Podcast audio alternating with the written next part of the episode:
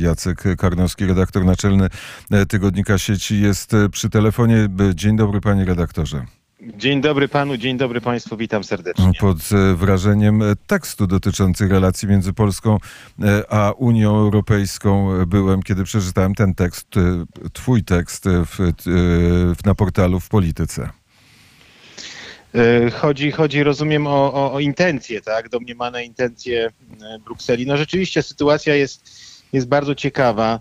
Nie, nie wiemy, jak to będzie z tymi funduszami, z tymi głównymi funduszami. No, są y, bardzo źle brzmiące sygnały. No, mm, choćby Janusz, y, y, nasz komisarz Janusz Wojciechowski uspokaja że nie ma jeszcze, nie ma jeszcze decyzji. Również europoseł Waszczykowski wczoraj także uspokajał po spotkaniu z komisarzem Hanem, ale też y, patrząc na to, co się dzieje, no mamy wrażenie déjà vu, ten wzór, a więc y, przecieki medialne do, do gazet zagranicznych, krajowych i sygnały, że Unia tutaj się zbiera do uderzenia, y, zazwyczaj później przeradza się po prostu w decyzję i w uderzenie w fundusze.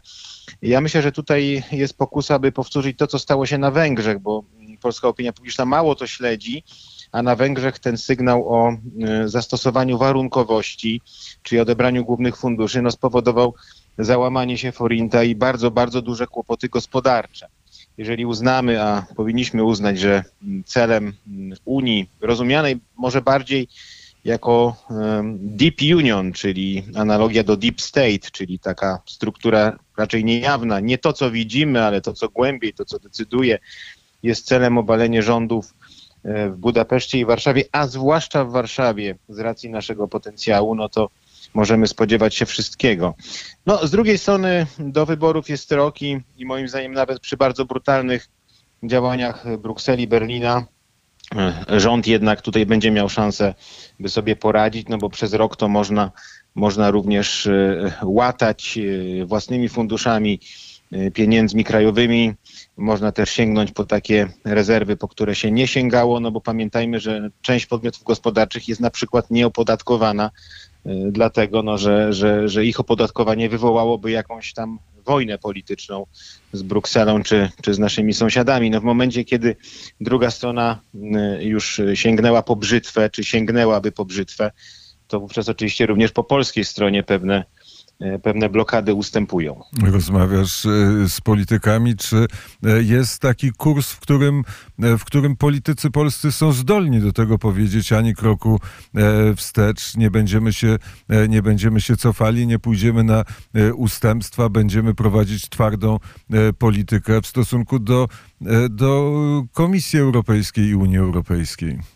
No taka gotowość oczywiście występuje. No, Jarosław Kaczyński, y, a to on decyduje rzecz jasna, no jest politykiem, który, który nie boi się zderzenia.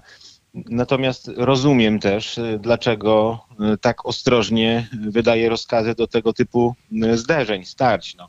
Po prostu zawsze, gdy czeka nas wojna i eskalacja, eskalacja nie wiadomo do którego momentu z przeciwnikiem dużo, dużo silniejszym i bardzo, bardzo brutalnym, a Unia jest strukturą brutalną mimo tego całego opakowania i często skuteczną i atrakcyjną dla dużej części społeczeństwa, no to trzeba bardzo e, rozważnie przemyśleć każdy krok. I, I, łatwo pójść pochopnie na zderzenie, ale polityk odpowiada za skutki i musi te skutki przewidywać, czyli nasz ruch, ich ruch, nasz ruch, ich ruch i do czego to doprowadzi. No i tutaj wstrzemięźliwość jest jak najbardziej wskazana.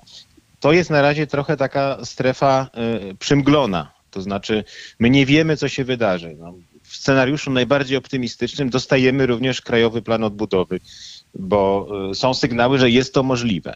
Y, w scenariuszu najbardziej pesymistycznym mamy zablokowane główne fundusze.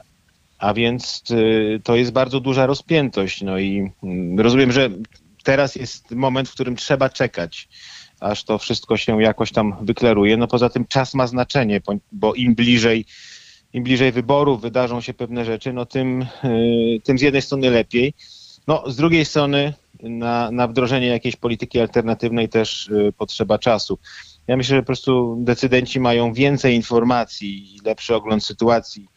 I, i, I, teraz zdecydowali, że, że na razie jeszcze czekamy, no chociaż y, oczywiście dymisja ministra Szymańskiego i powołanie w jego miejsce ministra Sękrzynkowskiego no jest jasnym sygnałem, że pewien etap się skończył, a pewna droga została uznana za, za, za już wyczerpaną. Czy teraz, jutro i pojutrze szczyt Unii Europejskiej, spotkanie najważniejszych europejskich polityków, czy w czasie tego szczytu spodziewamy się jakichś decyzji, jakiegoś rozwiązania tego węzła? No nie, bo to, to właśnie na tym polega problem z Unią, no, że, że, że to wszystko się dzieje gdzie, gdzieś indziej. No, no, no nie, mieliśmy przecież w ostatnich dniach sytuację bez precedensu, jakiś urzędnik średniego szczebla, przez nikogo nie wybrany. I on tu oznajmia nagle, że, że nie, Polska nie dostanie grosza, bo, bo jego zdaniem nie, nie przestrzega karty praw podstawowych, której zresztą przestrzegać nie musi i, i co nie powinno absolutnie warunkować warunkować wypłaty, dlatego, a, a także dlatego, że, że Polska sobie wywalczyła przecież pewne, e, pewne no, wyjątki e, w kwestii karty praw podstawowych, no to pokazuje, jaka, jaki to jest świat, no, w którym traktaty nie obowiązują.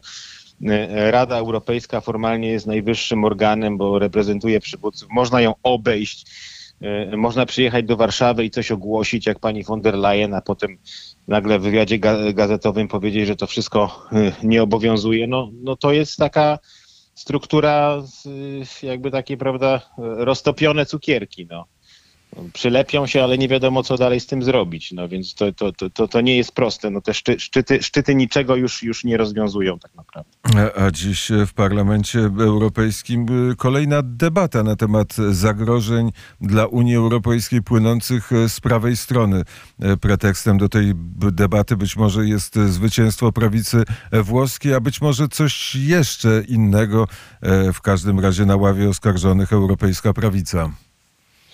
Tak, tak, no to jest zabawne oczywiście, bo mm, jak to powiedział włoski socjalista swego czasu, jeżeli e, faszyzm przyjdzie ponownie, to przyjdzie przebraniu, w przebraniu antyfaszyzmu. Ja mam wrażenie, że to właśnie się dzieje. E, to znaczy ta, e, ci, ci, którzy najgłośniej krzyczą o, o jakimś zagrożeniu z prawej flanki, tak naprawdę sami wdrażają bardzo twardy system autorytarny, chwilami już o cechach rzeczywiście totalitarnych, z takim typowo totalitarnym uszczelnianiem prawa na przykład słyszałem ostatnio o, o tym, że chyba w, w Anglii jest teraz postulat, żeby stworzyć takie strefy e, bezpieczeństwa wokół klinik aborcyjnych, żeby tam nikt nie mógł się modlić i nie przeszkadzał w tym procederze, więc to już jest takie, takie stalinowskie uszczelnianie prawa.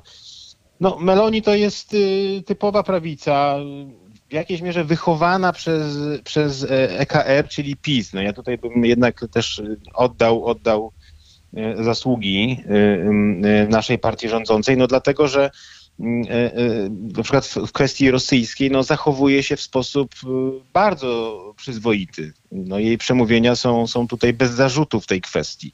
A ona działa na trudnym rynku politycznym, w którym tendencje prorosyjskie zawsze były silne. Więc ta, tutaj w tej kwestii no to, to jest duży sukces PiSu.